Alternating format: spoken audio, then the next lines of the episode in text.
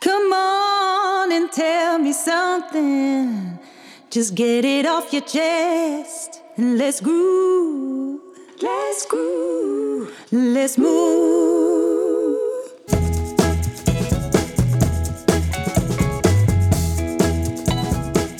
De Tandarts, Vrijheid en Meesterschap podcast.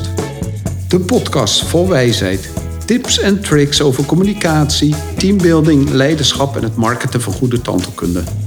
En bovenal jouw opstap tot financiële vrijheid en jouw succes. Welkom bij de Tandarts, Vrijheid en Meesterschap podcast.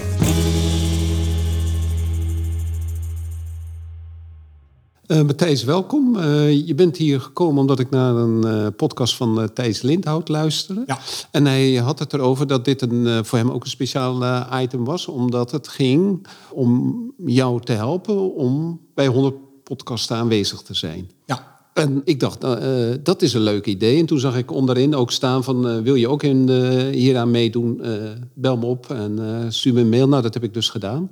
En uh, nou, we hebben binnen ja, eigenlijk vrij korte tijd zijn we tot een afspraak gekomen. En uh, je bent hier nu bij mij langsgekomen en we gaan beginnen. Ja, in je prachtige podcast studio. in, in, in huis, huiskamer. In huis podcast studio. Nee, ja, ik kreeg jouw berichtje en, en inderdaad, in het kort, ik wil in honderd verschillende podcasts zitten. Waarom? Omdat ik het leuk vind. En ik vind het leuk om zoveel mogelijk verschillende concepten aan te raken. En ik was eerst al verbaasd. In het begin van mijn reis werd ik gevraagd voor een luchtvaartpodcast. Had ik nog nooit bij nagedacht. Waarom heb je een podcast over luchtvaart? En ik kreeg jouw mailtje en ik denk een tandartspodcast. Nog zoiets. Waar ik gewoon geen... Ja, ja oké. Uiteraard. Er zijn tandartsen die luisteren podcasts. Het is hartstikke interessant. Waarom Dus niet? naast de Breien podcast, de Haak podcast... Ja hoor. De Harry Potter podcast hebben we nu ook een tandartspodcast, Ja, dacht een tandartsenpodcast? Ik denk, nou ja, dit, is, dit gaan we gewoon doen. En Ja. ik, ja, ik vind het, vind het ontzettend interessant om, om een soort van unieke niche te hebben waar je, waar je zo je kennis in deelt. En ik ben eigenlijk, ehm, en dit, dit zeg ik niet omdat ik tegenover je zit, eh, maar gewoon een beetje gegrepen door eh, hoe interessant ik het vond. En dat komt voor mij, ik ben natuurlijk zelf, ik ben een ondernemer. En ik heb nog nooit nagedacht aan de ondernemerskant ook van, van het, het tandartsen. Hè? Hoe jij het volgens mij uitlegt, je hebt het werk op de vierkante millimeter. Ja. En je hebt al het werk wat je daarbuiten doet. En ik ben alleen maar een patiënt. Ik heb alleen maar het werk op de vierkante millimeter. En ik vind het zo onwijs interessant om te horen wat daar verder voor wereld aan vast zit. En dat, nou ja, dat deelt jouw titel toch ook wel een beetje. Het vrijheid, het meesterschap, eh, het ondernemen erachter. Ik vind dat een onwijs interessant verhaal. En je zegt het net al, wij kennen elkaar dan via de podcast van Thijs. 100% inspiratiepodcast. En daarom leek het me leuk om deze podcast te beginnen met de vraag die Thijs eigenlijk ook altijd aan al zijn gasten stelt. Namelijk, ehm, Ron, wat wil jij worden als je later groot bent? Jeetje, Matthijs. Ehm, ik kan wel vertellen dat ik eigenlijk altijd wel me voorgenomen heb om een wijze oude man te worden die niet teleurgesteld is in andere mensen. Oké. Ik vind eh, dat hoe ouder je wordt, mensen vaak teleurgesteld zijn in eh, dat ze niet genoeg aandacht krijgen. En van mijn eerste vrouw, haar oma, als ik daar dan kwam, en dan had ik haar een half jaar niet gezien of zo, of een jaar soms wel, hè, want eh, oma's, eh schoonoma's, oma's, oma's, om zo maar te zeggen. Dat was een oude vrouw. En elke keer als ik daar kwam, was ze zo blij om mij te zien. Ze zei, oh Ron, wat fijn dat je bent. Wat ben je toch een schat. En, en elke keer ging ik er een beetje naartoe van... jeetje, ik heb- ben eigenlijk zo weinig naar oma geweest. Ah ja, en, dan, eh, en dan was ze zo dankbaar. Ik denk, goh, wat fijn. Want er zijn ook oma's en opa's die zeggen... goh, ik heb je al een tijd niet gezien. En ik denk, dat moet ik gewoon, als ik later groot ben... in ieder geval eh, niet doen. Niet naar mijn vrienden toe, niet naar mijn kinderen toe. Ron probeert niet teleurgesteld te zijn. Ja. Dat is het eerste. Ehm, daarnaast eh, woon ik hier op een, eh, een hele mooie boerderij. In mijn gedachten zie ik nog wel eens dat ik hier een voedselbos maak. Dus dat ik ook eigenlijk een beetje een, een bosbouwer word. Dat ik dan, eh, en het grappige is dat eh, een van mijn dochters, Babette, die zit nu in, eh, in Zweden. Die is, Die doet duurzaamheid, een duurzaamheidsschool. Ze was psycholoog, maar ze, ze, ze vond het eigenlijk op een gegeven moment niet meer zo leuk. En ze, ze- haar, haar hart zei, ik moet iets met duurzaamheid, Duurzaamheid, doen. ja. En ze is naar Zweden gegaan. En ehm, daar zit ze nu op een duurzaamheidsschool. En ze is ongelooflijk in de weer met, met, met dieren en met hout. En eh, om gewoon helemaal zelf, eh, voor, eh, ja, self-supplying te zijn. Dus dat alles hergebruikt wordt. En ehm, nou, dat zou eigenlijk wel mooi zijn om dat heel klein hier ook te doen. Want in Nederland hoeft dat natuurlijk helemaal niet om self-supplying te doen. Maar dat we misschien een beetje dat we binnen deze, dit kale landschap van, van de veengebieden, dat we misschien iets meer bos kunnen maken. Of wat dan ook. Iets meer natuur, iets, Iets meer zelfvoorziening. Ja, iets meer zelfvoorziening. Dus dat zie ik een beetje. Een ander punt wat ik heb is dat ik wel heel graag mijn kennis wil delen. En daar zit ik heel erg over na te denken hoe ik dat vorm ga geven. I have a dream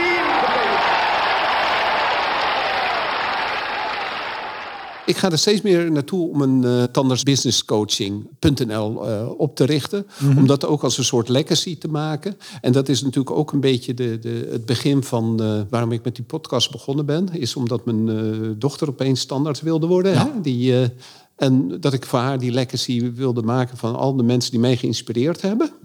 Om die vast te leggen en die dan op een gegeven moment aan haar te kunnen geven. Maar ik zou dat natuurlijk ook nog zelf in een eh, soort masterpiece kunnen maken. Van, of op video of misschien al een gedeelte met de podcast. Maar ook eh, ja, ja, gewoon op, eh, op schrift. Ja. Dus om het vast te leggen. Dus dat, dat zijn de dingen die een beetje spelen.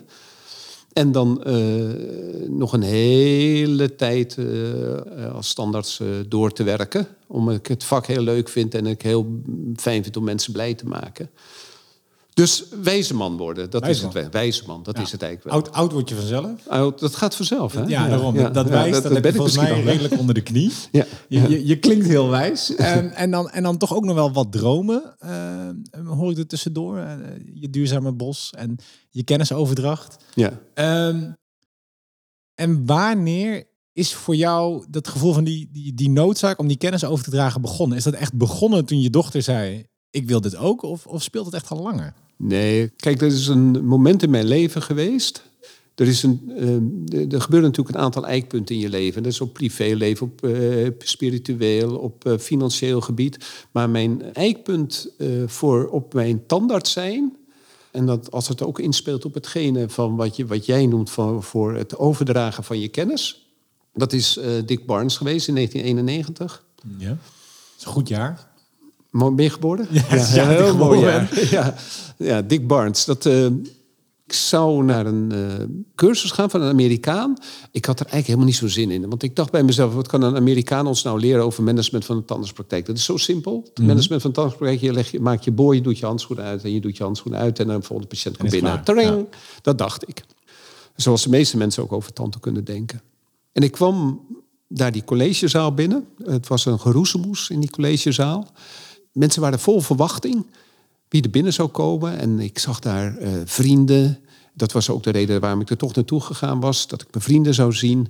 We zeiden elkaar gedag. En dan komt hij opeens op, die Dick Barnes. Eh, mooi in, eh, zoals die, zo, in die oude FBI-series gekeken. Want dan- die senators worden altijd op een, van de Amerikaanse senators worden altijd op een bepaalde manier uitgebeeld. Hè? Dat, eh, dat mooie rode das, mooi strak in het pak. Prachtig. eh, en altijd zo glad geschoren. Ongelooflijk glad geschoren. En, eh, en dan prachtige blinkende schoenen. En hij kwam op. En hij keek zo die zaal rond. En hij schreeuwde het echt uit. You have to work smarter! En ik denk, wauw. Dus die hele zaal die was, was stil. Hij Ja. was meteen stil. En die man die heeft mij meegenomen op, op hoe hij dacht dat je tandheelkunde moest doen. En ik heb daar vol begeestering naar hem zitten luisteren. En ik, eh, na afloop heb je altijd, eh, toen de tijd had je, kon je allemaal Ja. bandjes en video's kon je kopen. Bandjes, dat zijn cassettebandjes. die hier in de muziek is. Ja, ik ben jong, maar niet zo jong. Ik weet ook nog wat een cassettebandje is. Dus die, heb ik toen allemaal gekocht. En ik eh, ging toen met mijn vrouw naar eh, een, een paar dagen eh, naar een eh, vakantiehuisje die dagen daarna. En ik heb alleen maar naar die bandjes lopen luisteren. Ja. En ik was er zo van onder de indruk. En ik ben toen eh, samen met een vriend naar eh, New York geweest, naar Los Angeles, naar zijn praktijk. En die man die heeft mijn hele visie op tandheelkunde veranderd. En, ja, en toen ben ik eigenlijk pas totaal veranderd. Toen ben ik ondernemer geworden. Ja. Meteen op dat moment. Ik ben eh, zoveel gaan lezen over vooral Tom Peters en dan al die management gurus. En eigenlijk ben ik steeds minder. eh, ik heb een vak natuurlijk bijgehouden, omdat ik wel een vakidioot ben. Maar ik ben, als ik een boek las, was het altijd een boek over management. Ja, Dus zo is dat.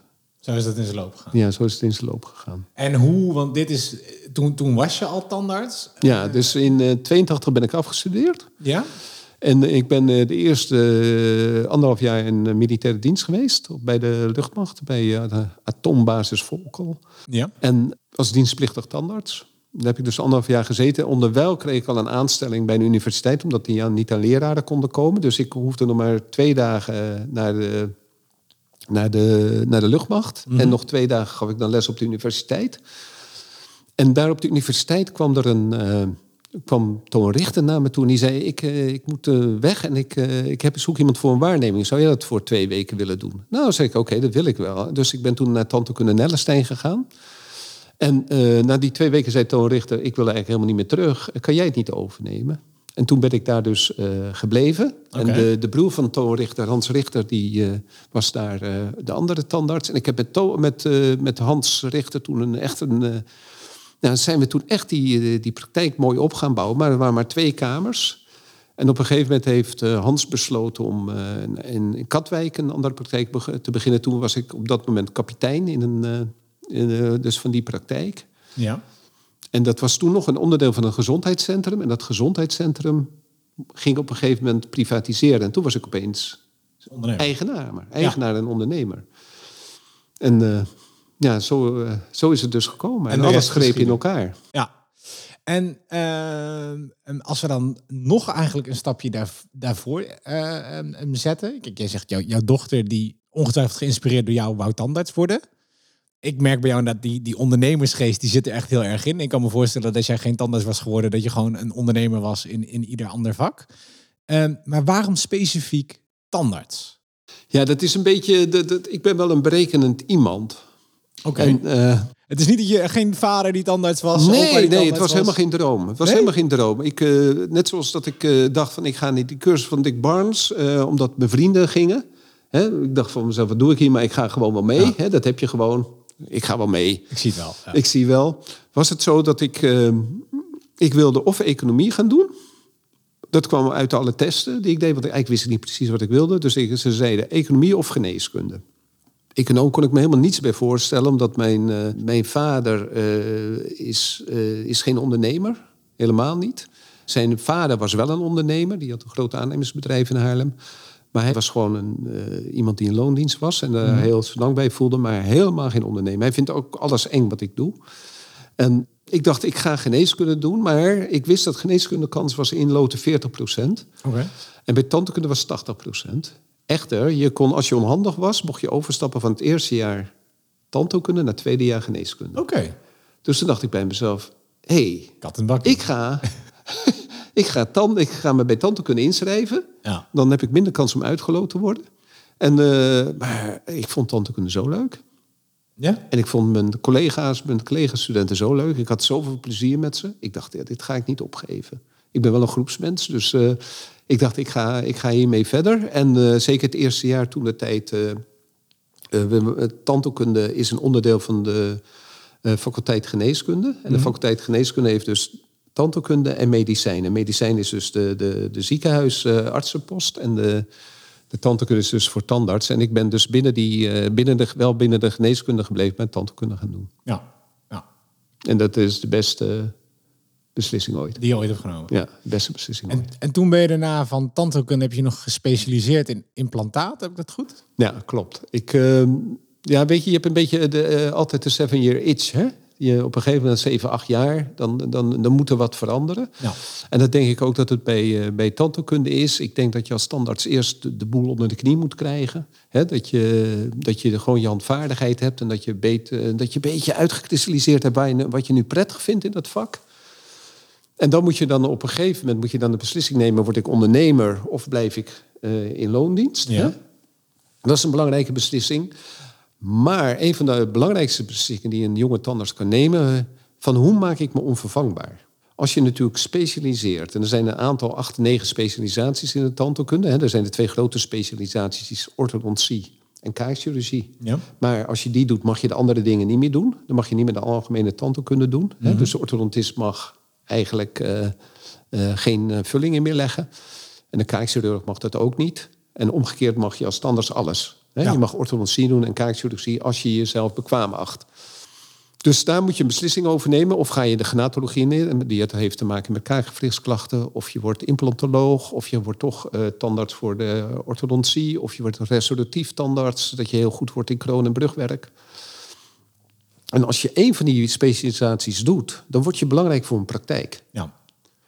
Als je binnenkomt van ik wil, eh, eh, ik wil mooie vullingen maken, dat is fijn dat je dat kan, maar dat is een, dat is een kerncompetentie. Hè? Dat moet iedereen kunnen en daarin onderscheid je het niet. Maar als je al iets pikt van, waar je, van binnen die, van een specialisatie, ja, dan, dan, word je, eh, en dan word je belangrijk in de praktijk. Dan word je expert. En dan gaan de assistenten zo ook anders tegen je aankijken. Maar als je dan verder wil, kom je ook veel makkelijker in een andere praktijk terecht. ja. En dat jij je unieke kennis, je bagage meeneemt. Ja. Ja. En dan ben je aanvullend. Ja. Dan ben je niet vervangbaar. Ja, ja.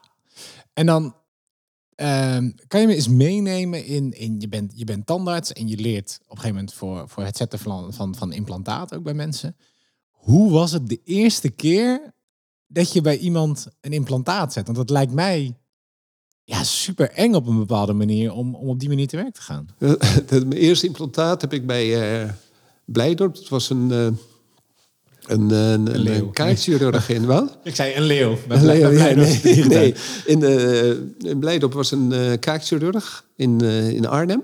En ik had, eh, en die, als mensen helemaal geen kaak hadden, dan bouwde hij die kaak op met bot uit de heup. Ja. En dan plaatste hij na een half jaar plaatste daar implantaten in. En een patiënt van mij, die had dat gedaan, die had ik daar naartoe gestuurd. En ik ging de tweede keer mee met de patiënt. En toen zei hij, oh, dit, dit kaakbot is zo mooi gelukt. Eh, zet jij ze maar. Oké. Ik zei, oké. En ik zag die ogen van die patiënt. Heb ik ook nog wat te zeggen? Dus ik heb ze toen geplaatst. En eh, nou, omdat het zo mooi bot was, eh, ja, het, het was heel breed. Dus, eh, hè, dus als je zoiets hebt eh, van eh 4 centimeter breed, dan is het makkelijk om een, een, een implantaat van een halve centimeter te plaatsen. Dan gaat niet zoveel. Dus dat ging heel erg goed. En toen, ja, op een gegeven moment, dan merk je gewoon dat je denkt van, ja, ik ben deze mensen aan het doorsturen. Misschien kan ik het zelf wel. Toen heb ik een cursus gedaan bij Van der Schoor in Garderen. Ongelooflijk goede cursus. En, en waarom is die cursus zo goed? Mensen die expert zijn, die zijn vaak zo hooghartig. Eigenlijk zeggen ze van... eh, eh, ik ben de beste, ik zal het je leren... maar eigenlijk kan je het beter naar mij sturen... want je wil het beste voor je patiënt eigenlijk. Ja. En hij deed het eh, anders. Hij zei van, oké jongens, jullie kunnen het. Want jullie zijn tandartsen, dus je kan gewoon wel ergens een spijker inslaan. Hè? Dus, en ik kom bij jullie, ik ga de eerste paar keer ga ik erbij zitten. En dan doe je het gewoon. En dan in het begin eh, was hij dan assistent. En dan op een gegeven moment ging hij gewoon met zijn, eh, met zijn laptopje ergens eh, anders zitten. Of pakte hij zijn computer. Ik, of een van die computers, want waarschijnlijk hadden we toen geen laptops al. Maar, ehm, eh, dus dan liet hij je steeds meer vrij. En dat heb ik in het begin met een collega gedaan, met Mark van Wingaarden. Dus de ene keer deden we het in zijn praktijk, de andere keer in, in mijn praktijk. En Ja. zo hebben we het gedaan met z'n tweeën. En de assistent is er dan bij om, eh, als omloop. En dan op een gegeven moment, ja, dan, eh, eh, dan heb je door. Nou, Dan heb je door. en dan, Ja.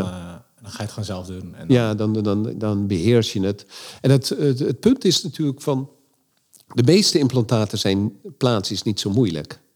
Echter, wat doe je? En daarom is dat hele tandheelkunde is ook niet zo moeilijk. Hè? Dat, ik kan dat jou in een half jaar leren. Oké. Echter, ik kan jou niet leren wat je moet doen als die patiënt neervalt in jouw stoel. Ja. En dan is het vervelend. Dan moet je opeens heel veel van medicijnen weten. En van eerste hulp. En van wat je moet doen. En om dat hè, te kunnen diagnosticeren van tevoren dat het mogelijk zou kunnen gebeuren. En dan heb je die zes jaar tandheelkunde nodig. Ja. Maar die handvaardigheid, die is relatief snel te leren. Ja. Hè, een vulling kan ik jou wel in een half jaar leren. Dat, dat is, dat, eh, om dat te doen, dat zal niet moeilijk zijn. Echter, de kennis om de patiënten te la- over, laten overleven als er iets misgaat. Dat, dat, Dat is redelijk cruciaal als je een goede naam wil ja, houden. Ja, ja. Ja. En ik kan me voorstellen dat, dat heel veel van je werk als standaard is misschien maar standaard. Ja, de standaard controles. Als ik even Ja. naar mezelf kijk. Ik, ik zit eh 20 minuten te wachten in de wachtkamer. Ik lig 10 minuten in de stoel. En, en er is niet zoveel aan de hand. Ehm, ik kan me voorstellen dat dat als standaard zijn. Dat dat ook... Ja, het is gewoon lopende bandwerk. Daar haal je misschien niet zo veel voldoening uit. Die haal je misschien meer uit de, de moeilijkere klussen, of niet? Ja, dat is een beetje dubbel. Want eh, eh, er, zijn, er zijn natuurlijk een aantal dingen wat, wat belangrijk is. Je moet, ten eerste moet je, moet je praktijk ehm, goed draaien. Dus je moet, financieel moet je gezond zijn. En dat houdt in dat je de salarissen van je personeel kan betalen. Ja. Dat is het eerste. En het is natuurlijk zo dat er natuurlijk de, de basis van elk vak is gewoon productie. Elk vak heeft productie. En dan heb je daarnaast de uitschieters die het superleuk maken en die het voor jou een uitdaging geven. Maar je kan natuurlijk ook alleen al door te kijken dat je geen rode cijfers, maar zwarte cijfers hebben, kan je al ongelooflijk veel voldoening geven. En al is het maar een eh, 10, hè, als er een 10 staat, maar volgend jaar staat er een, een, een 12, Ja. dan weet je voor je gevoel, zonder dat het met geld te maken heeft, dat je het als bedrijf goed doet. Nou, Hè, want je hebt een 20% ben je vooruit gegaan. Dat is, daar haal ik zelf als, als ondernemer heel veel vo- voldoening uit. De andere voldoening is, die er is, is eh, als er een flow ontstaat in de praktijk. En op wat voor manier ook. Als ik merk, hè, ik, eh, ik werk bijvoorbeeld op drie kamers tegelijk. ja. En ehm, ik heb altijd de vraag, wat is nou eh, in, de, in mijn podcast Little Systems?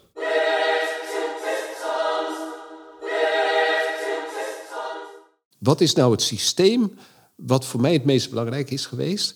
Dat is één, de VIP. Assistent. En VIP-assistent is eh, voorbereiding, informatie en preventie. Dus mensen komen bij de VIP, preventieassistent. En die, er zit altijd een assistent ernaast mij die, die 16 controles van een half uur per dag doet. Ja. En die, eh, dat half uur wordt die patiënt in principe gepam- gepamperd, gepamperd. Dus die wordt volledig uitgelegd hoe ze er gebit bij kan houden. En in dat half uur kom ik langs. En in dat half uur heb ik tijd genoeg, als ik hem zelf mag uitkiezen wanneer ik langskom, met die patiënt te praten.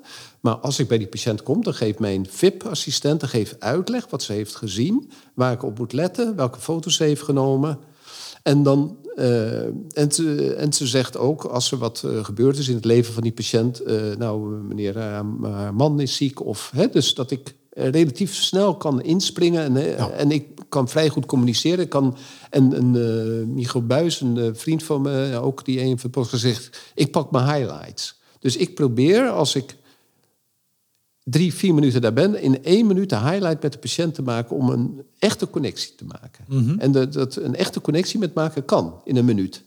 Als je oprecht geïnteresseerd bent en oprecht iemand in zijn ogen kijkt, dus echt in zijn ogen kijken, dan kan je die connectie maken. Want eh, mensen kijken elkaar niet vaak een minuut aan. Dus die connectie kan gemaakt worden. Dus ik heb al 16 patiënten op een dag naast me die, eh, die eigenlijk heel blij de deur uitgaan. Want die, die zijn helemaal verzorgd en die zijn blij. Ze hebben compliment van de assistent gekregen, hebben compliment van mij gekregen dat ze het goed gedaan hebben. En ik neem ze mee in, de, de, de, in het zorgplan voor de toekomst. Dan de kamer daarna zit mijn orthoassistent. Ja. Die is met eh orthodontie bezig. En die is eh, mensen die een scheve tanden hebben of eh, kaakproblemen, die is ze gewoon mooi aan het maken. Die, die is gewoon goed opgeleid. En ik, zij weet precies wat ze moet doen. En ik zit naast haar, dus ik kan haar heel goed begeleiden als er wat is. Dat ik erbij kom om, om dat verder te doen. En daarnaast op kamer 1, daar zit ik En het is gewoon één, één grote ruimte eigenlijk met schotten. En ik Ja. zit op kamer 1 en ik ben gewoon mijn kunstwerkjes aan het doen. Echter, als je kunstwerkjes maakt in de tandheelkunde, daar zit heel veel dead time in. En wat, wat is de dode tijd in een tandartspraktijk? Dat is het moment van eh, verdoving inwerken. Ja. Duurt gewoon. Kan je gewoon wachten. Kan je Ja. gewoon wachten. Misschien een keer kan, ik, kan ik naar kamer 2 of 3. Ja. Dan heb ik mijn kunstwerk gemaakt, bijvoorbeeld mijn kroonopslijping. Dan moet er een noodkroon gemaakt worden. Kan ik weg. Want die Ja. moet ook weer uitharden en die moet afgevormd Dat kan een assistent heel goed. En de assistent is vaak aardiger, eh, want die is een uur lang bij die patiënt. Dus die kan ook mee, eh, gaat het goed met u? Fijn eh, dat het zo goed gaat. Ja. De enige vraag die een patiënt, een assistent van mij, dat is een belangrijke, mogen nooit vragen: hoe gaat het met u? Oké, en, en waarom een verbod op deze vraag? Hoe gaat het met u? Houdt in dat je mogelijk niet geïnteresseerd bent in het antwoord. Oké. En heb je, heb je een vervangingsvraag die iedereen aanleert? Fijn dat u er bent. Fijn dat u gekomen bent. Ja. Hoe gaat het met uw tanden? Oh, ja. Want dan hou je het specifiek waar voor mensen komen. Ja. Het vervelende is, als mensen iets naars hebben meegemaakt... en je vraagt hoe gaat het met u... dan moeten ze op dat moment beslissen of ze het wel of niet gaan vertellen. Ja. En dat is dan afhankelijk van ons schema... of we daarop in kunnen gaan of niet. Nou, ja. En ik merk als ik kan het wel aan, dat handelen, want ik ken die mensen langer en ik kan daar vrij goed mee opschieten. Dus ik bedoel, met die vraag, en ik bel, als het echt belangrijk is, zeg ik, ik bel je vanavond even op. Maar het mag niet mijn schema in de war gooien. Nee. En ik wil ook niet die patiënt ontrieven. Dus als je vraagt van hoe gaat het met je en je bent niet geïnteresseerd in het antwoord, Dan moet je niet hem niet stellen. Nooit. Stel hem nooit. En dat vind ik ook in het gewone leven niet. Stel die vraag niet aan mensen. ja. Want je kan weten ook dat die vraag stelt en het antwoord gaat maar door. Hè? Ja, nee, je, hebt Ja. twee op- je, hebt de optie inderdaad of iemand geeft jou misschien een ellenlang antwoord waar je niet helemaal op zit te wachten. Of eh, hè, waar wij volgens mij in onze samenleving allemaal aan gewend zijn. Goed, Ja, punt. ja. Je stelt een hele open vraag die standaard heel gesloten wordt beantwoord Ja. met één woord. Ehm, en als je iemand beter kent, eh, dan misschien met een paar. Maar het is eigenlijk een, ja, het is even een beweging van het gesprek, maar het is niet oprecht. Nee, het is niet oprecht. Helemaal niet oprecht. Nee. Dus die vraag mogen ze niet stellen. En dan heb je dus, dat is het moment van de noodkroon. En dan heb je nog het moment van het uitharden of van het eh, scannen van het eh, geheel. Dan kan ik ook weg. Ja. En als al die assistentes en alle patiënten op dat moment zich prettig voelen, dan ben ik ook blij. Dan vliegt die dag voorbij. Dat Ja. is zo fijn. Dan is het zo'n fijn vak. Dan is het zo'n fijn vak. Als het gewoon, als jouw systeem helemaal loopt, Ja. het is één vloeiende, geoliede machine, dan maakt het voor jou niet uit als er niks spectaculairs gebeurt op een dag. Eigenlijk juist niet. Nee, het is juist heel spectaculair. Ja, oké, maar ik bedoel niks Het is gewoon een bandenwissel met, eh, met de Ferraris. eh, hè? Ja, ja, het is- Als het dat goed gebeurt, dat is toch spectaculair Ja. wat er gebeurt. Ja. Dat is toch spectaculair dat mensen, misschien wel 60 mensen op een dag, blij de deur uitgaan. En dat eh, drie mensen op het eind van de dag zeggen: Goh, wat hebben we fijn gewerkt met z'n drieën. Ja. ja. Dat is top? Nee, en, ja, er zit, en er zitten daar natuurlijk nog een heleboel eh satellieten, eh, mensen omheen van omloop en Bali. En ja, dat is gewoon het is fantastisch. Dat is mooi. Ja. Echter, het is natuurlijk wel zo, en daar heb je wel gelijk in. Je krijgt die seven-year itch. Dus je, dus je krijgt het moment van... hoe ga ik verder in 91? Dan was ik dus eh, acht jaar eh, tandarts. Eh, was ik dus, ben ik commerciële economie gaan doen op de HAO. Heb ik die Barnes gedaan, ben ik heel veel naar Amerika geweest. Ik ben met mijn orthodontie begonnen. En dat heeft me dus heel veel gebracht. In, in, in 2006 heb ik mijn aantekening, accreditatie heet het officieel, implantologie gehaald. Dus dat is een beetje toch, dus, om de aantal jaren moet je wel vernieuwen. ja. En nu heb ik dus, eh, en dat is dus ook die podcast is natuurlijk ook een soort vernieuwing. Waar ik, eh, waar ik natuurlijk. Kijk, elk mens wil, en dat is, je bent een Tony Robbins addict. En ik was in 1996 naar Tony Robbins gegaan. En wat ik wel van Tony Robbins heel erg geleerd heb, is constant and never ending improvement. Maar natuurlijk ook van hoe ga je je hele leven inrichten. Hè? Je kan dingen natuurlijk, en dat is natuurlijk ook het boek van Napoleon Hill, wat ik hier heb liggen, waar ik nu aan lezen weg, de weg naar succes. Hè? Napoleon Hill was natuurlijk en Carnegie waren heel belangrijk voor Tony Robbins. En eh, die heeft bijna heel, voor zijn eerste dag heeft hij helemaal van uit Napoleon Hill gehaald. Ja, dat is gewoon mooi. Ja. Ja. Oké. Nou, en voordat we hebben eh, eh, het een beetje gehad, je hebt natuurlijk de, de, de standaard rubrieken in jouw podcast. We, we hadden net Little Systems die al even, ja, even Little voorbij Systems. kwamen. Ja, mooi woord. ja. Ehm, en ook je, je, je droom natuurlijk. Niet alleen wat je later wil worden als je groot bent, Ja. maar ook hoe we kwamen op je droom van jou als standaards. Ehm, en dan wil ik dit graag eventjes onderbreken met jouw, jouw mooie rubriek De Zeven Zalige Vragen. Z- de zeven zwoele vragen. Ja, zeven zwoele zalige vragen. Want wat is jouw favoriete levensquote? Constant and never ending improvement. Constant never ending. Can I? Ja. Dat is, dat is, daar sta je mee op, daar ga je mee naar bed. ja, daar ben ik wel altijd mee bezig. Ja, Ja. altijd. Ja. En dat is op, op ieder vlak. Op ieder eh, vlak. Ja, ik ben altijd geïnteresseerd en ik wil altijd leren. Nou, En dat is, ehm, dat is soms wel eh, moeilijk om je focus te houden. Want ik zou graag heel veel, ehm, eh, bijvoorbeeld heel veel meer over de Egyptenaren en eh, eh, over de Grieken weten. Dus, eh, maar ik mag die boeken niet aanraken, want dan vergeet ik de rest. de, de rest. Dus er zijn, eh, ik ben zo geïnteresseerd in zoveel dingen van het leven. En ja, Is, is, homo universalis. is dat een, een vlammetje wat altijd in jou brandt? Of is dat ook wel iets wat je, wat je aanwakkert op, op bepaalde momenten? Dat je merkt dat je misschien wat, wat verslapt in je, in je improvement. Dat je een beetje ja, wat meer achterover leunt. Nee, ik leun nooit Ja, achterover. leunt nooit achterover. Dat zit gewoon in jou. Ja. Ja. Oh, gaaf. Dat is, dit is, ja, ik, ik kan me voorstellen dat heel veel mensen eh, dat ambiëren of misschien minder hebben dan dat ze zouden willen. Dit is, dit is ook zeker niet de vibe die je me geeft, maar het is eh, gaaf om te zien dat je nog zo bezig bent daarmee. Ja. En eh, daar denk ik wel eens aan, zou dat nou weggaan? Want ik ben natuurlijk 63. Ja. En denk ik, zou ik nou op een gegeven moment minder geïnteresseerd zijn in mensen? Of zou ik op een gegeven moment minder geïnteresseerd zijn in het management van, een, van het tandartsvak? Ik heb eh, een paar podcasts geleden heb ik met Wouter de Vries gesproken. Wouter de Vries is mijn commerciële economieleraar. Oké. Die heeft me een beetje van mijn eh, phalanx afgeholpen. Want ik vond het altijd eh, moeilijk om te praten. Ik had vaak, als ik een, een spreekbeurt had of wat dan ook... Ja. En bij hem eh, moest ik een lezing houden. En ik had daar een, gewoon een, een, een- Ja, het liep als een trein. ging over café, mayonaise. of, en, en Becel, margarine. En daar had ik geladeerd met veel stories. Ja. En hij stond na afloop op en hij begon te applaudisseren. En zei, Ron, fantastisch, mannen, allemaal staan. En hij zei, ik heb nog nooit een tien gegeven, maar jij krijgt nu een tien.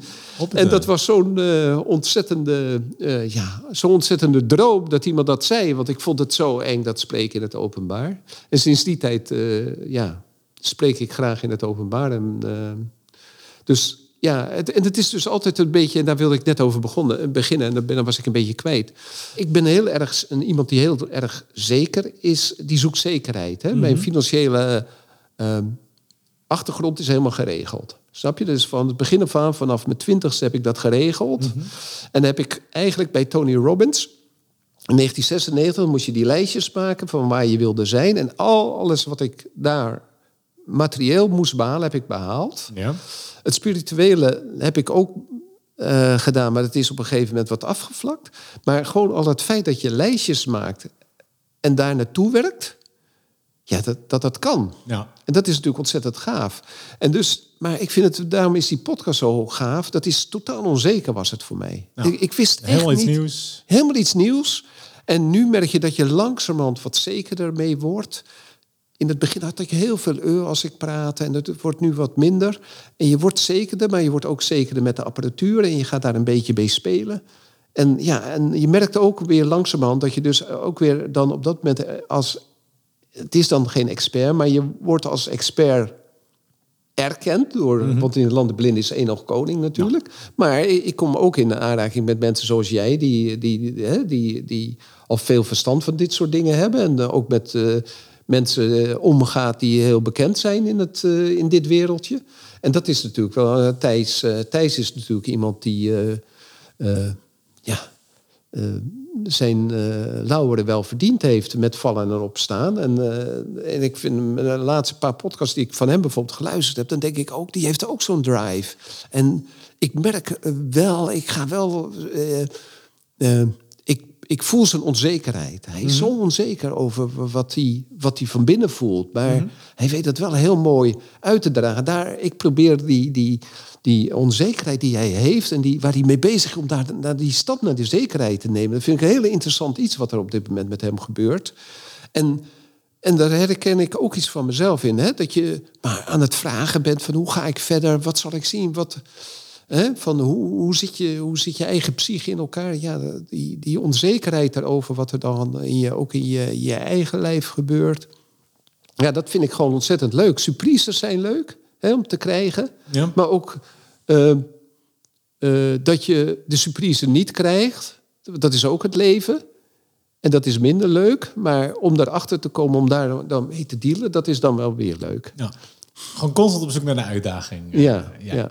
Ehm, en dan, want voordat we hierop doorgaan, ik, ik heb nog zes vragen voor je over. ehm, van je zevenzalige vragen. De zeven zwoele vragen. Welk boek lees jij nu? Eh, James Bond. Oké, ja. James die Bond. had ik niet verwacht. The Man with the Golden Gun. Eh, Ja. er is, je ziet overal in de stad op dit moment allemaal van die kleine ehm, kastjes staan waar mensen hun boeken in doen. Ja. Ja, en dan kan je een boek uitnemen en een boek terug doen. En ik heb eh, als eh 12 en 13-jarige eh, heb ik al de James Bond boekjes, zijn kleine pockets gekocht. En ik zal ze ergens hebben liggen nog. Ik zal ze niet hebben weggegooid. Maar ik kwam daar dus langs en al die zeven boekjes stonden er. En ik heb er dus twee uitgehaald. Ik Ja. heb de eerste meteen in één keer uitgelezen. Moonraker was dat. En nu The Man with the Golden Gun.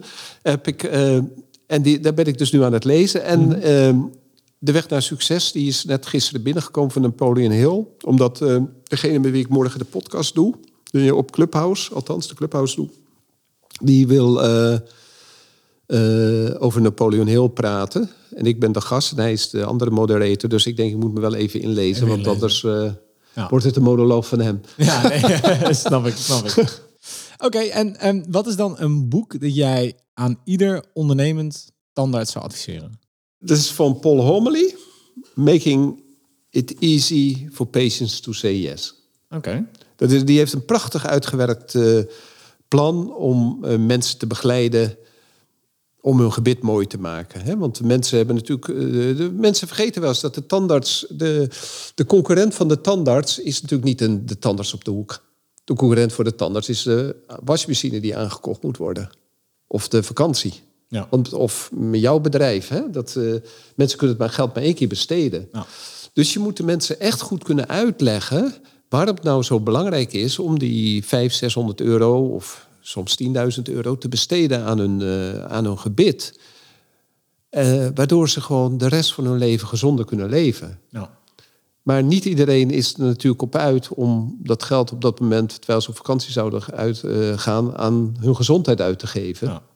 Maar liever aan andere dingen. En dat, hij heeft daar een heel mooi eh, systeem voor om, eh, om bij zichzelf te blijven, bij de, juist bij de goede tandheelkunde die hij geleerd heeft, en dan toch de patiënt mee te nemen op die reis naar een mooi gebit. Een gezond gebit en een goed functionerend gebit. Oké.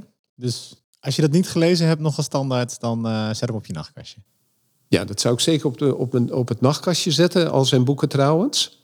Een ander boek is van McCormick, dat is een heel oud boek. Wat ze je niet leren op de universiteit. Oké. Dat is echt een heel leuk boek. En dat gaat over. eh, McCormick was iemand die was een intermediair eh, om eh, sporters te verkopen. Dus eh, de, de, hoe kon je. Hoe, want er is natuurlijk een tijd geweest dat sporters helemaal niet zoveel verdienden. Mhm. Want die sporten en dan kregen ze 100 euro voor de wedstrijd. Maar op een Ja. gegeven moment zijn ze natuurlijk vercommercialiseerd. Ja. Maar wie heeft dat gedaan? De sporter niet natuurlijk. En dat is McCormick geweest die ervoor gezorgd heeft... dat in het begin jaren 60 die, die tandartsen, die eh, sporters verdetter zijn geworden. Dus niet alleen op het veld, maar ook dat ze gewoon... eh, dat ze de stap naar de, naar de tv maakten... en naar de commercials, naar de tandpasta. Ja. En, naar, en daar is hij begonnen met de golfers. Oké. Daarom verdienen de golfers zoveel. Interessant. Dat is echt een mooi boekje. Dan Good Great van Jim Collins. Ken je dat? Ja, hebben Dus- we ooit eh, grappig genoeg door Thijs, eh, van Thijs gekregen. Ja, Eh, nou, ik kan me voorstellen. Ja. Dat is Constant Never Improvement. En dan dit, het boekje van Bill Dorfman. Dat is een Amerikaanse tandarts. The Billion Dollar Smile. En dat is een boekje voor de patiënten om, eh, om uit te leggen wat je allemaal in je mond kan doen. En het is zo'n goed boekje voor tandartsen. Ja? Ja, het is een fantastisch boekje van hoe je smiles mooi kan maken.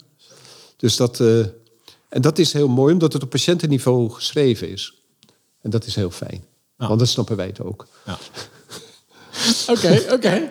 Ehm, je volgende vraag, ik, denk dat je hem al bijna hebt beantwoord. Want eh, wat ik hier aan boeken zie liggen, is in zichzelf al een hele hoop nascholing, vind ik.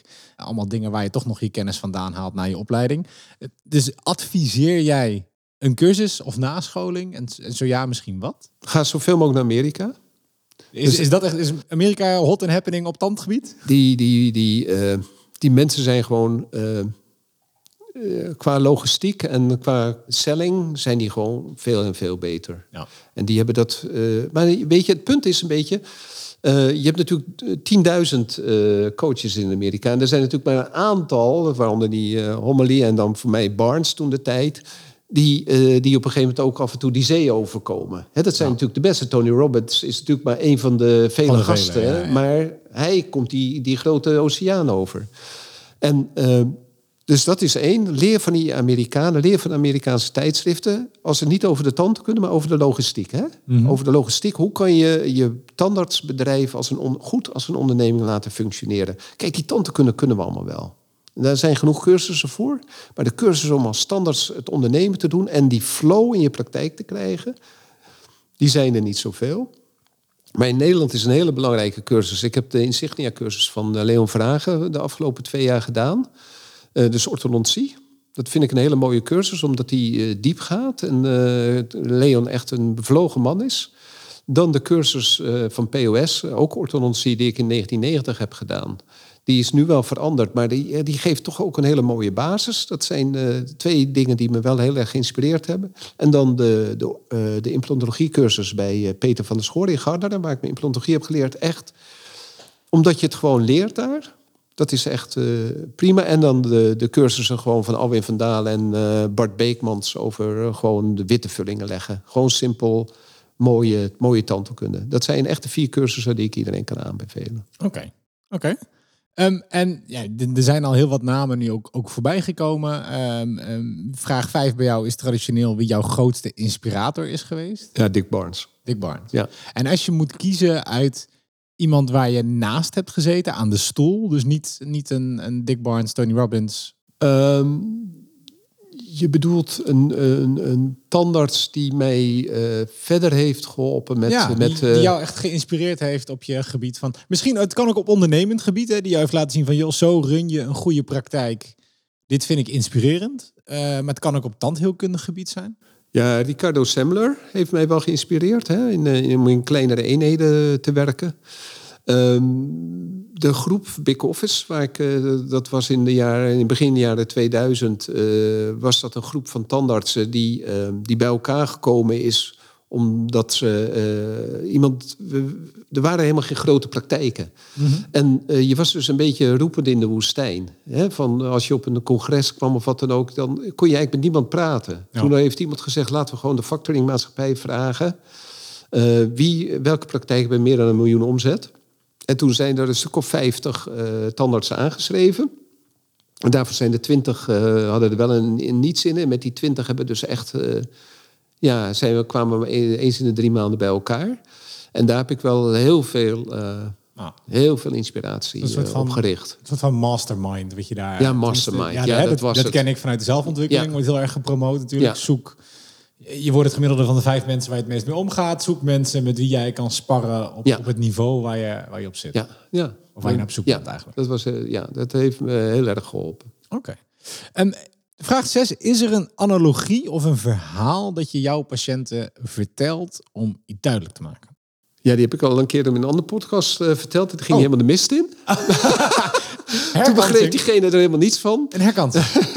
ik ben Een patiënt. Vertel, vertel mij een verhaal. Oké. Ehm, Wat zou je Eh, mij vertellen? eh, jij vraagt aan mij van, eh, eh, tandarts, moet ik mijn kunstgebit nou s'nachts uit doen? Of Ik, stel ik me iedere dag eigenlijk. hè, Voor ik in bed ga, stel ik mezelf die vraag. Moet ik mijn kindsgebit eigenlijk uitdoen? Of in. Nou, je moet je voorstellen dat een, als je een steen op gras legt, Ja. gaat het gras eronder verdorren. ja. Dus als je de steen weghaalt, kan het gras weer groeien. De huid van je mond is er niet aan gewend om afgesloten te zijn. Dus eigenlijk moet je hem s'nachts uitdoen, want dan kan die huid ademen. Ik vind het zo klaar als een klontje. Dit is, dit, ik, vind het een, ik weet niet of waar het vorige keer mis is gegaan, maar ik vind dit een hartstikke heldere uitleg. Oké. Ja, nee, echt. Ik, het, is, Ja. het is dat Ja, ik geen ik heb geoefend dus. Ja, maar ik denk meteen, nee, ja, dat, dat makes sense. Als jij, als jij constant iets over je tandvlees heen houdt wat niet bedoeld is, eh, dan, dan heeft het tandvlees inderdaad geen rust, kan het niet groeien. Ik, ja, ik weet niet hoe ik het in, in de juiste term moet omschrijven, maar het klinkt, klinkt super logisch. En de andere is, het is tijd. Het is daar. Het is tijd. Deze kies staat op breken. Hij gaat breken. We weten niet wanneer het gebeurt. Ik weet niet hoe lang de lont is, maar de lont is wel aangestoken. Ja. En dat is toch ook om ze over te halen om er iets aan te doen dan? Ja, mensen, mensen zien vaak niet dat, het, eh, dat de kies helemaal door midden kan breken. Oké. En er is voor tandartsen heel vervelend als de kies door midden breekt. Dan moet je soms een kanaalbehandeling doen. Soms moet de kies eruit. Ja. Of ehm, dan breekt hij zo gemeen dat het veel moeilijker is om een mooie kroon erop te zetten. Terwijl als je eh, ervoor zorgt dat iets overkapt is, dan is het veel moeilijker dat iets breekt. Dat het breekt.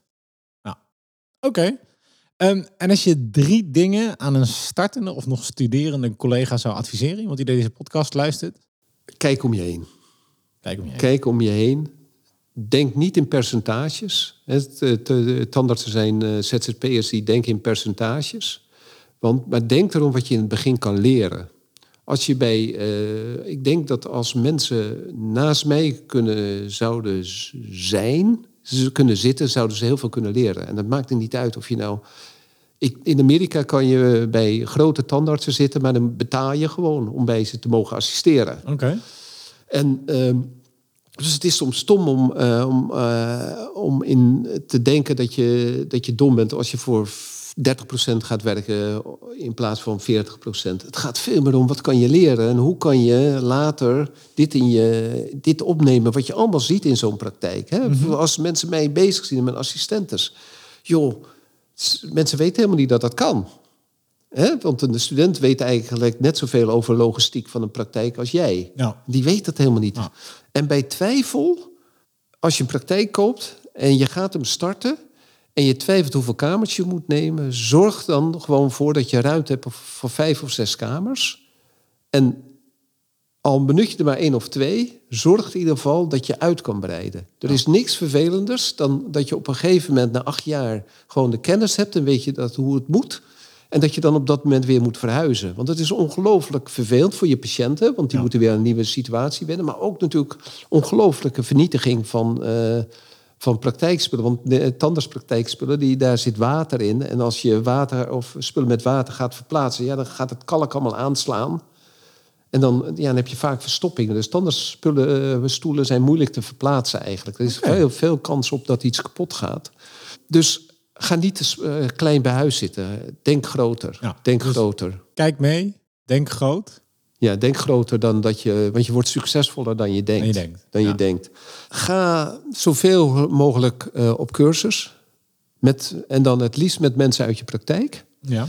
Want dan ben je uit je praktijk en dan praat je aan de bar en tijdens het eten over de andere dingen dan bij, bij over tandheelkunde. En dan praat je ook over de toekomst. Want anders ben je eigenlijk alleen maar bezig met de dag zelf.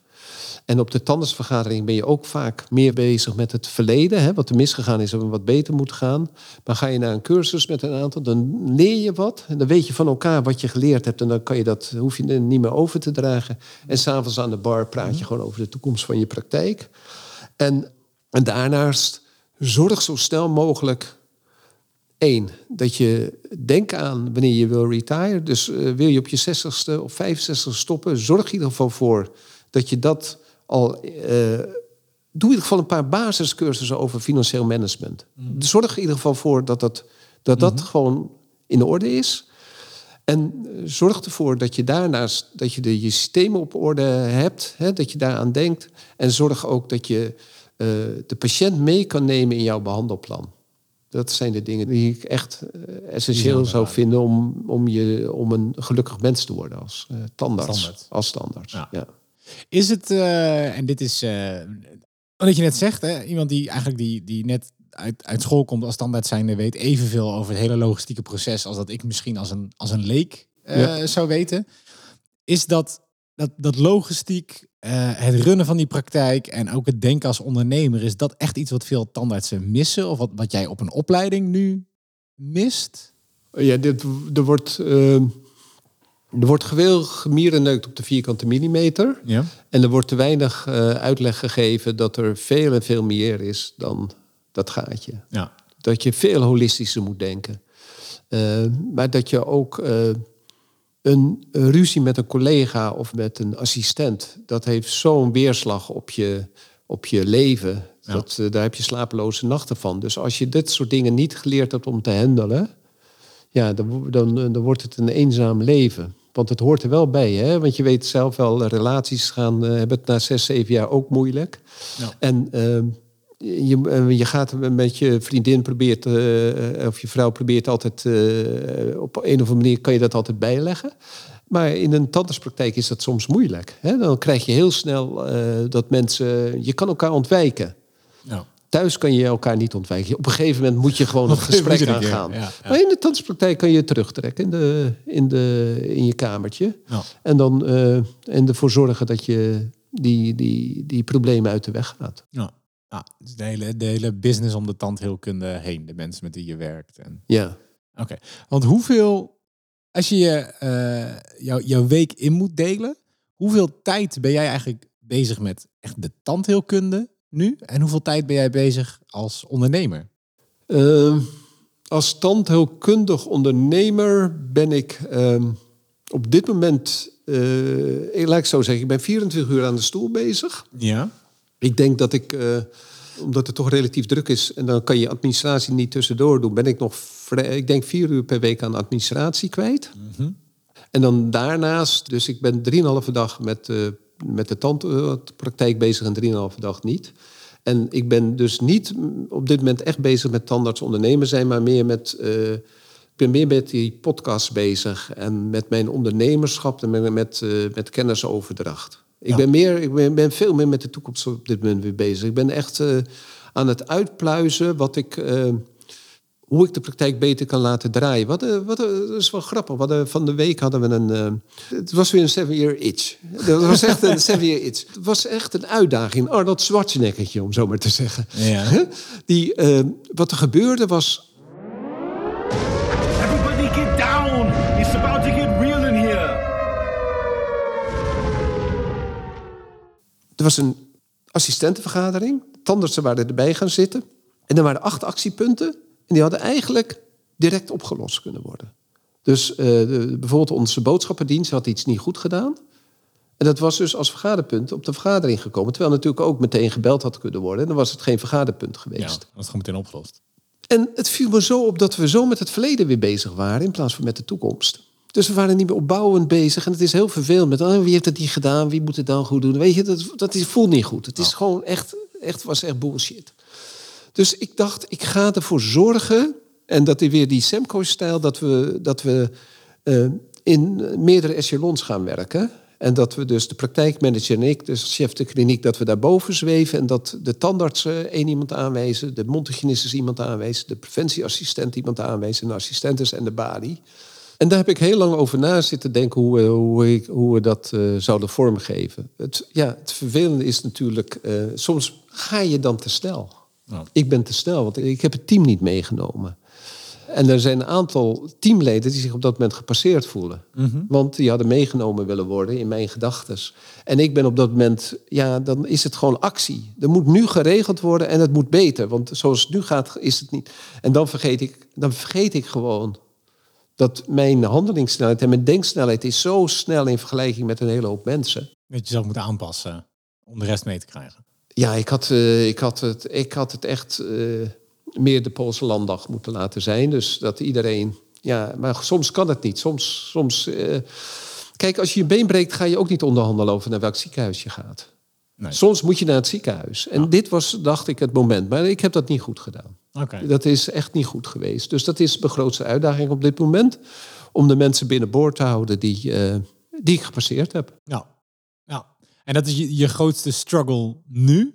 Nu, ja. Vandaag. Ja, vandaag. nu, vandaag de dag. Nou, het is gisteren opgetreden. dus het is, hier zit ik over na heel zitten recent. denken. Dit zit echt in je Ja. hoofd. En eh, al- als we het iets eh, um, um, holistischer bekijken, wat is jouw grootste struggle geweest toen? En met toen bedoel ik, eh, je vertelde aan het begin van de podcast, eh, je zat in een, eh, in een praktijk, dat werd geprivatiseerd, je was opeens ondernemer. Wat was jouw grootste struggle toen? Ja, mijn, de- dat is wel een, mijn, eigenlijk mijn grootste struggle. En dat is iets wat, eh, wat er af en toe nog boven komt. En ik ga het eruit knippen als ik het niet red. Maar eh, Ja, dat, geeft, dat geeft niet. Ruimte, ruimte voor een knipje. in 1996 werd mijn vrouw heel erg ziek. Mijn eerste vrouw. En die, eh, die kreeg eh, ziekte van Kaler. En dat is een soort eh, botziekte, je, botkanker. En in 97 ging op dat moment de, de, mijn, mijn maatje, eh, de, mijn, eh, die, waar ik mee samenwerkte, die had toen al besloten, voordat, uh, voordat El ziek werd, die had toen besloten al om weg te gaan. En die, en die ging toen weg toen, toen Ellie zo ziek was. Dat we dus in al die onderzoeken zaten. Dus we hadden twee kinderen van vier en twee op dat moment. Dus het leven was zwaar. En eh, toen was het ook heel fijn dat ik in 1996 Tony Robbins heb gedaan. Want die heeft me toen heel erg geïnspireerd om, eh, om eh, toch met zijn levende stem op, op ja, gewoon positief te houden. En toen kwam er een vervangster.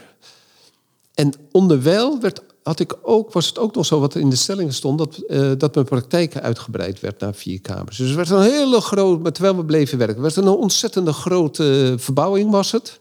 En die, had, eh, die heeft toen ook geduurd van 27 tot 28. En het vervelen wat toen gebeurd is, is dan... De, en ik, ik, heb, ik ben toen gewoon niet aanwezig geweest als teamleider... dat zodra Ellie overleden was is diegene weggegaan, mijn, eh, mijn nieuwe de, mijn waarnemer, met medenemen van drie assistentes. Zo. En dat is het, wel het zwaarste moment in mijn tandheelkundige carrière geweest. Dus dat eh, mijn, eh, mijn vrouw dood, de praktijk net verbouwd En mensen. en mijn, mensen weg en de tandarts weg. Hè, met wie ik op dat dus En ik weet eigenlijk nog steeds niet wat, wat er toen gebeurd is. Eh, En eh, waarom, dat, eh, waarom dat toen gebeurd is. Hè? Dat, eh, ik heb het helemaal niet zien aankomen, want mijn, eh mijn voelhorens waren op dat punt heel ergens anders. Ja, snap ik. Ja. En, en, op dat, en dan ga je gewoon weer beginnen. En, dan over, en het, op een gegeven moment gaat het weer draaien. Hè? Dan, dan, dan, dan, dan, dan, dan hoef je geen zorgen meer te maken over je kinderen. Dan is dat geregeld. Dan, dan, ik ontmoette toen een hele fijne vrouw... die nu nog steeds mijn eh Annelies, die, die je net eh, gezien hebt. Ja. Dus dat gaf ook stabiliteit. En heel langzamerhand... Ja, en dan, en dan merk je weer dat je weer die... eh, weer, weer die kracht krijgt om verder te gaan. En ja, dus ik, volgens mij, als je dit, eh, dit als ondernemer gewoon weer op zijn poten kan zetten, denk ik dat je alles op zijn poten kan zetten. Nou, en als je dit hebt gehad, dan Ja, dan, maakt niet meer uit wat het leven in jouw richting Nee. opgooit. Dan kom Nee. je er wel doorheen. je komt er wel doorheen, maar, eh, dan, eh, maar als je dan nou hebt over wat, eh, wat er dan gisteren gebeurde, ja, dan is het wel even een eh, rimpeling in het feit ja, dat je iets niet goed hebt aangepakt waarschijnlijk. Ja. Dan denk je dan over na, maar het is maar peanuts in vergelijking wat je al doorstaan hebt. Dus- Ja. Is dat ook wel iets hoe je dat allemaal probeert te relativeren? Is, is dat wel iets wat jou helpt bij dit soort dingen? Nee, want eh, als het gebeurt, duik ik er vol in. Maar eh, het is natuurlijk wel eh, dat je wijzer bent geworden in de loop der jaren. Ja. En je hebt alles wel een keer gezien. En je weet wat er gebeurt. En je weet waar, waar je dom bent geweest. Ja. En dat je de ander wat kan verwijten, maar dat er een heel groot probleem ook bij jezelf zit. En dan kan je dat terugredeneren. En dan denk je, ja, weet je, dan moet je gewoon de stormfase in. Dan ga je storming, norming. En dan daarna gewoon weer eh, op een gegeven moment performing. En die fases, ik zit nu volledig even in de storming, maar ik, eh, ik verwacht dat we dat heel snel weer genormaliseerd hebben. En dan gaan we weer performen. Dus Ja. dat gaat heel goed lukken. Oké. Dan heb jij eh, standaard als een laatste vraag, want ik, ik kijk op de tijd. Ik vind het zo interessant. Ik heb nog, nog twaalf andere vragen aan je. Oké. Eh, maar dat- ik, ik zal mezelf inkorten. Kijk, dit is, ik denk, een, een zeer, eh, wat je net deelt, is een hele mooie, eigenlijk een open gebeurtenis in je leven waar je toch doorheen bent gekomen. Wat, wat natuurlijk specifiek op jou, op dat moment, op jouw leven van toepassing was. Maar heb je ook nog een, een voorbeeld van iets wat je kan delen, eh, wat voor jou een hele waardevolle gebeurtenis was, om, waarbij je eigenlijk op, op de hard way geleerd hebt eh, wat je moest veranderen? Ehm, ehm, in je praktijk bijvoorbeeld, of, of als standaard zijnde? Ja, met de implantologie. eh, bij de implantologie, dat is, eh, dan word je, eh, zo is het ook met veel in de farmaceutische industrie, je wordt gebombardeerd met nieuwe dingen. Ja. En het ene is nog beter dan het ander. En er, er- zijn dan ook genoeg onderzoeken om te bewijzen dat het beter is dan het ander. ja. En wat, wat belangrijk is, denk ik, is dat als het in jouw handen werkt, dat je daarbij moet blijven. Dan is het goed. Dan is het goed. En soms kan het wel beter zijn in de omstandigheden van een, eh, van een eh, fabriek. Maar het hoeft nog niet beter te zijn in de handen van een tandarts. En als een tandartsteam handig is, en het zal ook voor hartchirurgen gelden. En hè, als ze met hartkleppen bezig zijn, er zullen best betere hartkleppen komen. Volgens, maar volgens mij moeten ze gewoon de, de hartkleppen waar ze geen problemen hebben, die bij iedereen aanslaan, die gewoon lekker plaatsen. En hoe modern de nieuwe dingen ook eh, komen, wacht eerst een tijdje af en dan eh laat anderen pionieren. En eh, Ja. dus rustig aan. Niet, het- meer, niet meer te snel met alle nieuwe dingen meespringen. Ja, is, is de, de tandartsindustrie eh, conservatief of dan dus juist niet daarin? Is het echt het omarmen van het, de, de, de nieuwste van de nieuwste technologie? De tandartsindustrie is mm, eh, niet conservatief. Er wordt heel veel eh, gedaan. Maar je kan ook natuurlijk zeggen, is de auto-industrie... Wat er bij de Ferraris gebeurt, of wat bij de Formule 1 gebeurt... Ja. dat is natuurlijk allemaal heel bijzonder. Ja. Maar voordat het natuurlijk doorcijpelt naar onder... dat duurt een hele tijd. En is de ruimtevaart vooruitstrevend? Ja, natuurlijk. Echter, voordat, het, eh, voordat wij titanium natuurlijk in de tanden kunnen gaan gebruiken, duurt dat een hele tijd.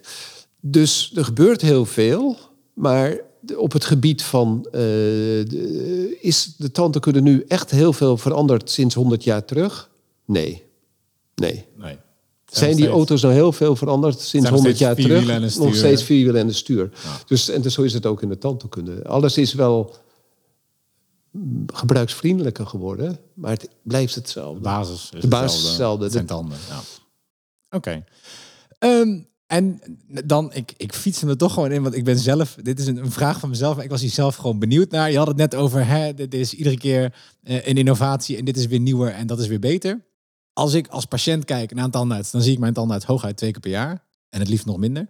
Ehm, maar wat ik wel eh, vaak zie, is, eh, omdat ik natuurlijk ook zelf een beetje in de marketing en in de reclame ziet, reclames met 9 van de 10 tandartsen beveelt dit aan. Ja.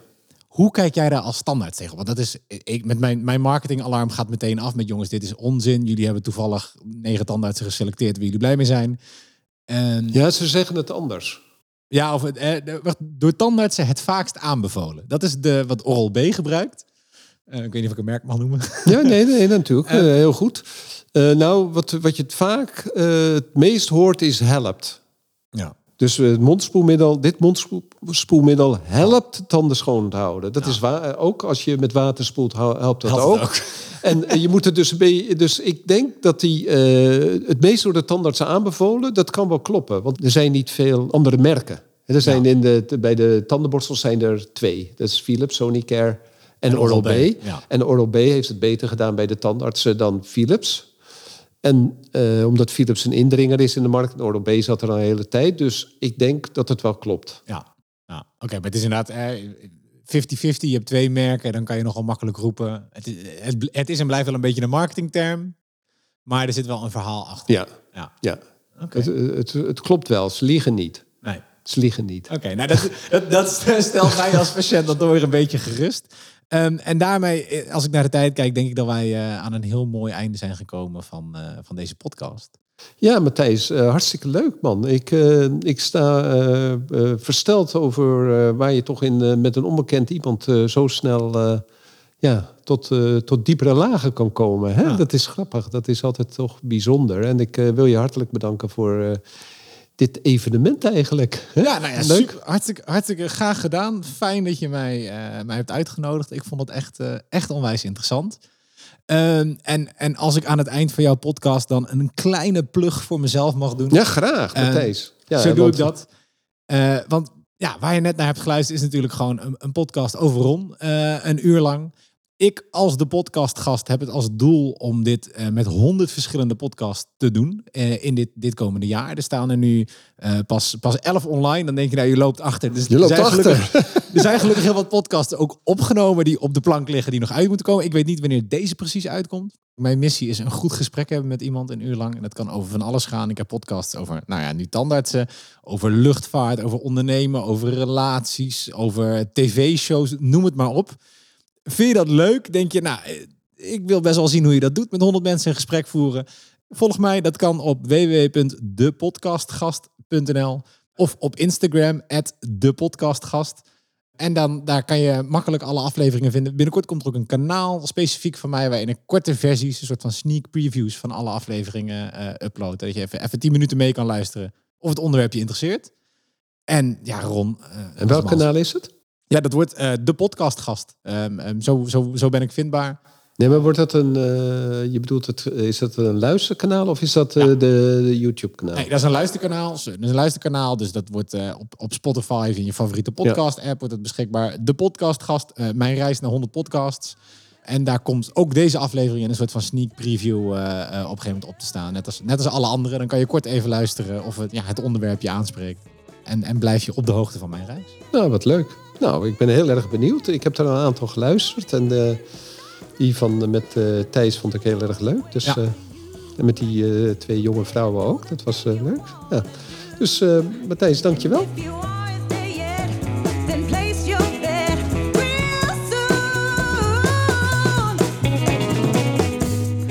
Super dat je weer luistert naar een aflevering van de Tandersvrijheid en Meesterschap podcast. Ik zou het zeer op prijs stellen als je een review achter zou laten.